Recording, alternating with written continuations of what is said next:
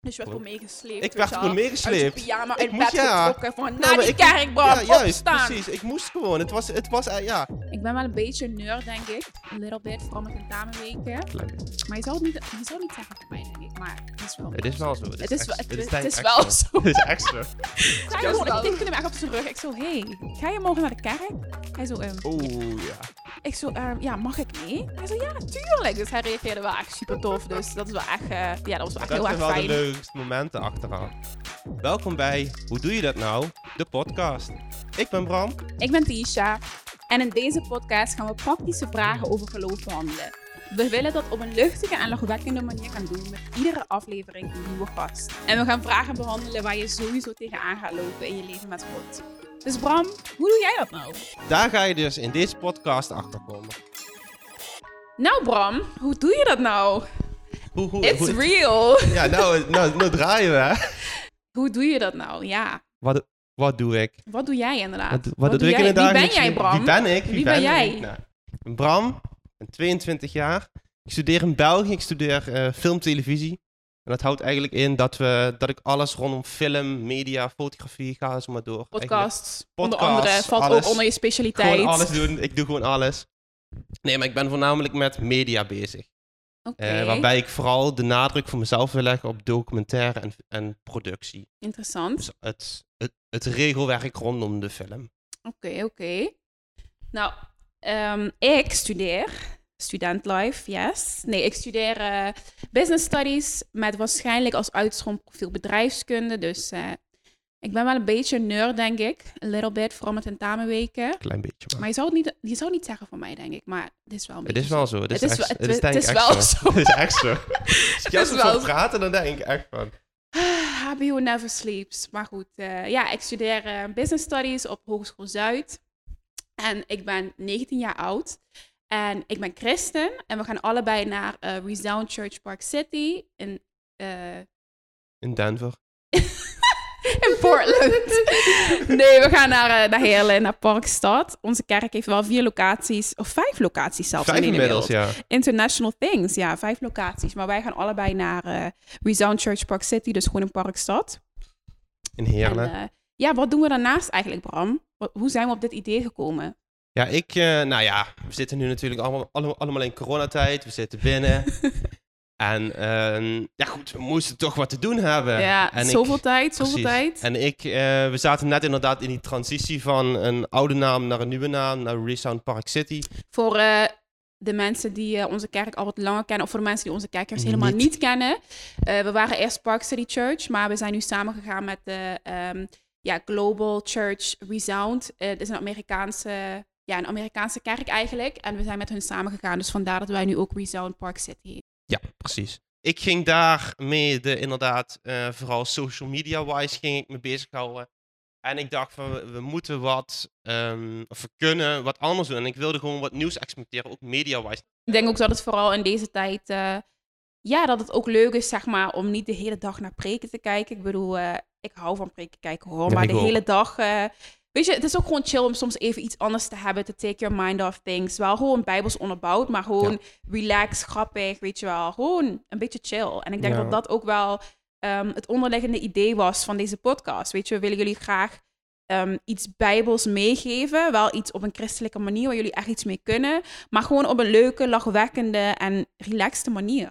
Ja, ja ik denk ook dat het, dat, dat het is inderdaad. Kijk, we wilden geen preekserie of iets heel zwaar eh, maken, maar we wilden Zwaar inderdaad gewoon... beladen. Zwaar, met- nee, maar we wilden inderdaad wel gewoon iets meegeven. En dat het wel ook leerzaam is, maar dat, dat het wel gewoon lekker wegluistert. Ja, precies. Weet je, het is gewoon de bedoeling dat je dit lekker kan luisteren aan het einde van een lange coronadag, weet je wel. Gewoon eh, kopje thee, kopje koffie, wat je graag drinkt, cassis, Cola. cola, sinaas.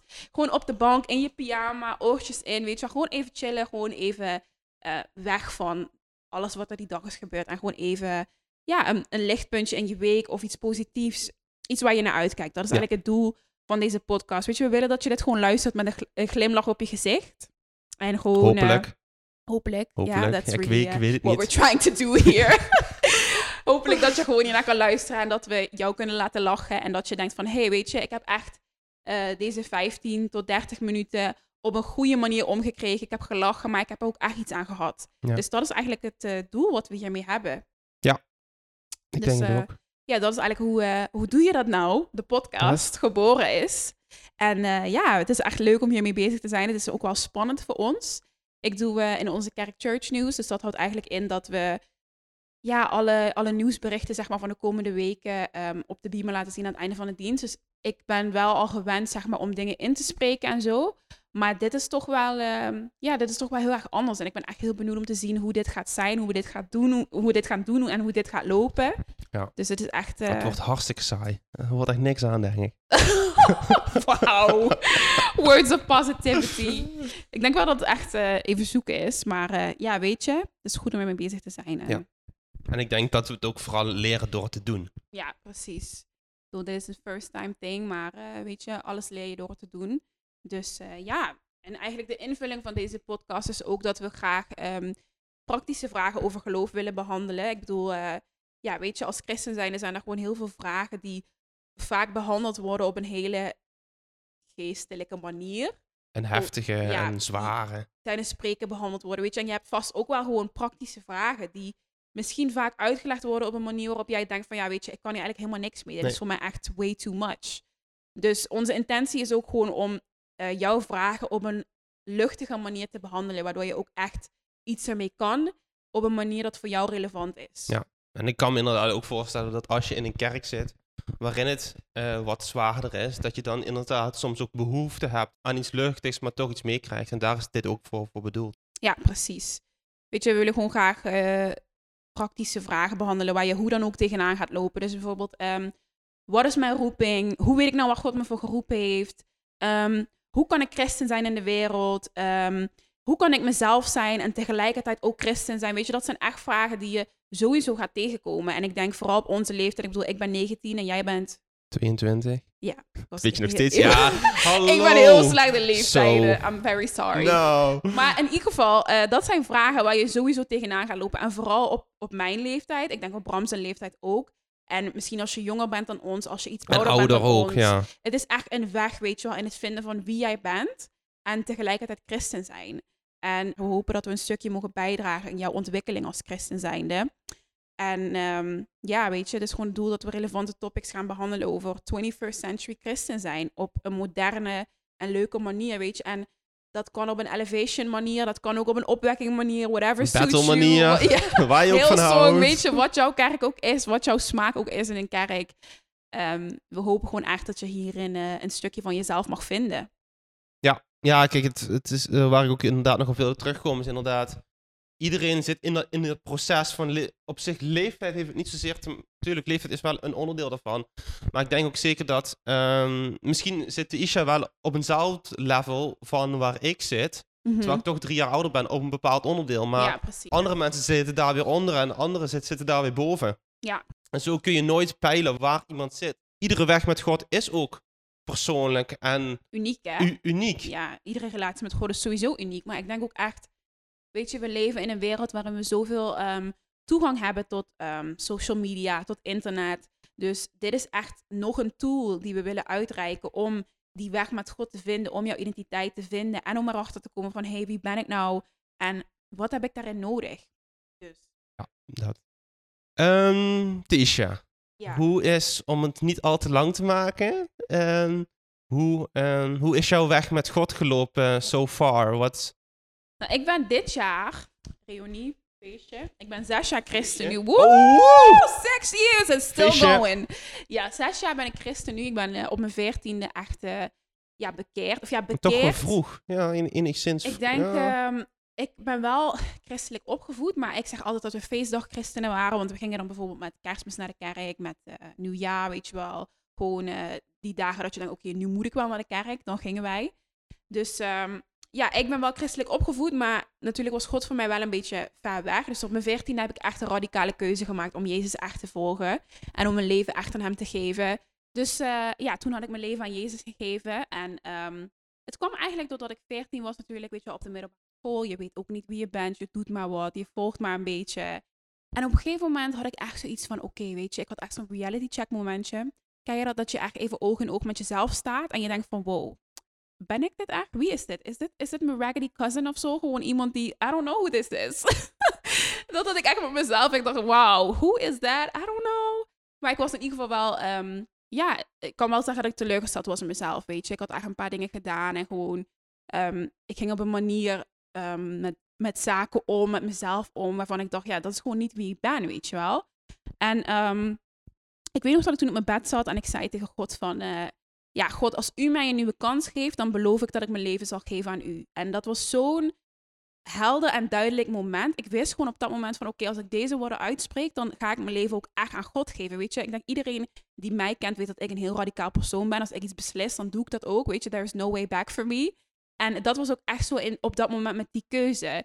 En vanaf daar is het eigenlijk allemaal begonnen, weet je. Ik was 14, ik had mijn leven gegeven aan God. En ik weet nog dat ik toen um, YouVersion downloadde. En toen zat ik echt op de middelbare school in de pauzes. Zat ik dan gewoon de Bijbel te lezen. En dat zijn echt die momenten, zeg maar, waar het voor mij allemaal begonnen is.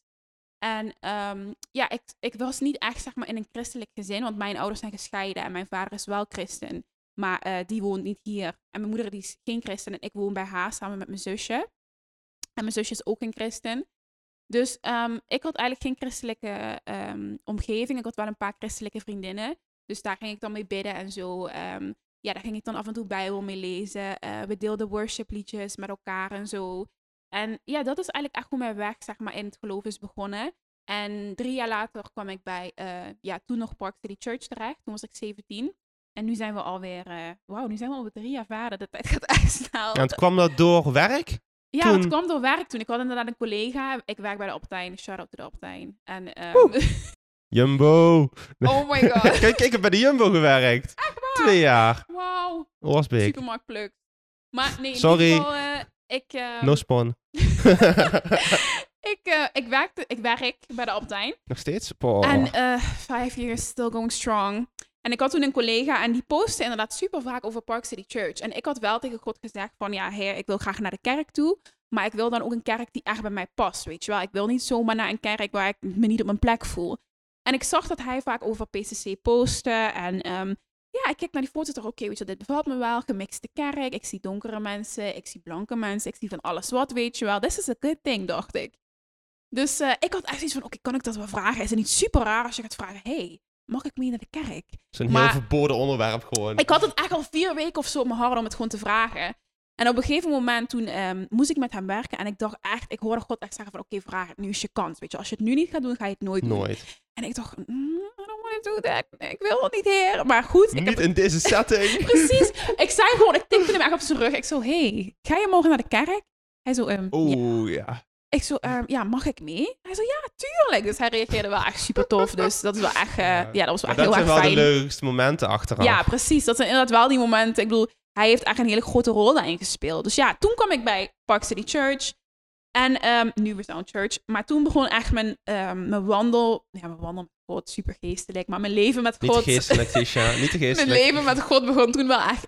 Of ik zou zeggen, zeg maar, de relatie die ik met God heb, die begon toen levend te worden. Ja. Weet je wel, toen begon het pas echt een actief iets te zijn in mijn dagelijks leven. Dus ja, dat is eigenlijk mijn weg in geloof.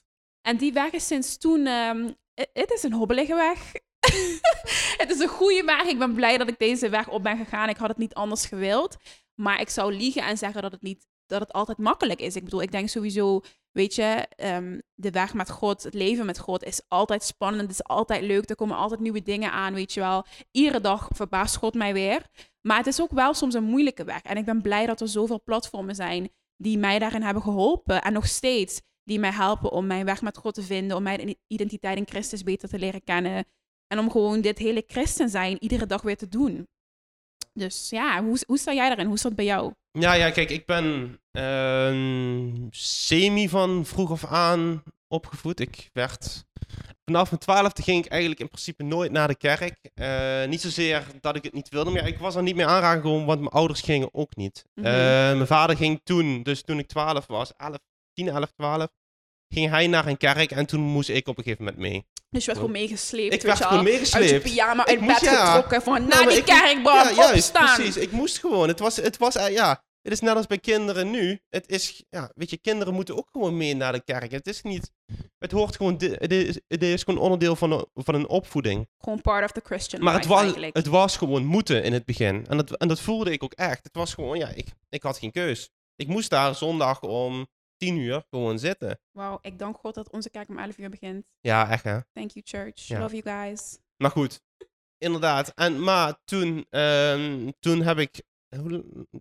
vier of vijf jaar heb ik bij die kerk gezeten. En het, was, het begon wel langzamerhand begon het een zelf willen te worden. Dus dat, dat proces zat er al langer in. Kwam dat dan ook omdat je dan God beter leerde kennen? En als je zoiets had van, oké, ik wil wel echt naar de kerk gaan. Eh, ja, maar het begon, ik denk dat het ook een stukje, stukje gewoonte was. Dus het was ja, misschien een soort van ja, fake-achtig. Gewoon een, een, een gewoonte was het, maar er zat nog niks zelf input in. Oké. mhm. Ehm, maar ik, ik was wel altijd op zoek naar, eh, en ik denk dat iedere jongere dat heeft inderdaad, van ja, ik wil bewijs zien. Ja. Ik wil gewoon, het is niet zoveel, oh, het staat in, ik lees het in de Bijbel. Nee, ik wil het voor me zien. Ik wil Mhm, het voelen, ik wil het ervaren. mhm. Ehm, nou ja, ik had dat ook. En ik durfde nooit echt die stap, die stap als het ware te maken. Mhm. Ik eh, ben toen ehm, eigenlijk, ik weet niet, ja, via, ja goed, dat- achteraf kan ik ook alleen maar zeggen dat dat dan door God geleid is. Toen had ik daar geen, geen besef van natuurlijk. Maar als ik achteraf terugkijk, is dat echt gewoon iets door God geleid. Ik werd ehm, gewezen op een jongerenkamp, een internationaal jongerenkamp, Teen Street. Ja. Wat in principe eh, inhoudt dat mensen uit 26 landen over de hele wereld inderdaad daar bijeenkomen in groepjes. Mhm. En zo inderdaad ja, een hele zomerweek hebben. Net, Wauw. net als dat je op eh Vrij zijn Zomerweek ehm, een, een tiener gedeeld hebt, was dat met of 3000 tieners zaten, zaten we daar uit de hele wereld. Tof. En daar ben ik uiteindelijk tot, tot geloof gekomen dat ik ging beseffen en ik ging ervaren wie God was Mhm. en wat hij deed. Mhm. En dat werd me ook gezegd, want ik wilde ook, ik, ik ben nog steeds een controlfreak, om het zo te zeggen. Ik wilde heel snel de controle hebben. Ja. Ik wilde van, ja, maar hoe, ik wilde overal antwoord op, laat ik het zo zeggen. Maar toen zei ook mijn begeleider, ja, geloof is ook een bepaald iets van, je kan niet alles weten, je moet het maar gewoon aannemen. Mhm. En dat heb ik daar toen ook erg geleerd. Van ja, weet je, je kan inderdaad niet alles weten, neem het gewoon aan. En ik denk ook gewoon steeds terug. Ik heb dat toen... Daarom staat ook in de Bijbel van, we zien maar een deel, we horen maar een deel. Hè? Ja, Dus ik denk ook inderdaad, je zal nooit volledig eh, be- bewijs hebben, zeg maar, in hoe of wat. Maar ik bedoel, in je hart kan God het wel bevestigen en dat is genoeg. ja, en toen was ik dus... Ja, 17 was, was ik toen. Mhm. En toen heb ik inderdaad echt die stap voor, voor mezelf dan tenminste gezet. Van oké, nu eh, all in. Wauw, mooi. Nee, maar ik heb toen inderdaad ook... eh, ik kende al wat mensen natuurlijk vanuit mijn oude kerk die ook waren vertrokken. Mhm. En dus bij, eh, bij Park City terecht waren gekomen. Die mij inderdaad toen, waar ik toen weer contact mee kreeg na vijf jaar of zo.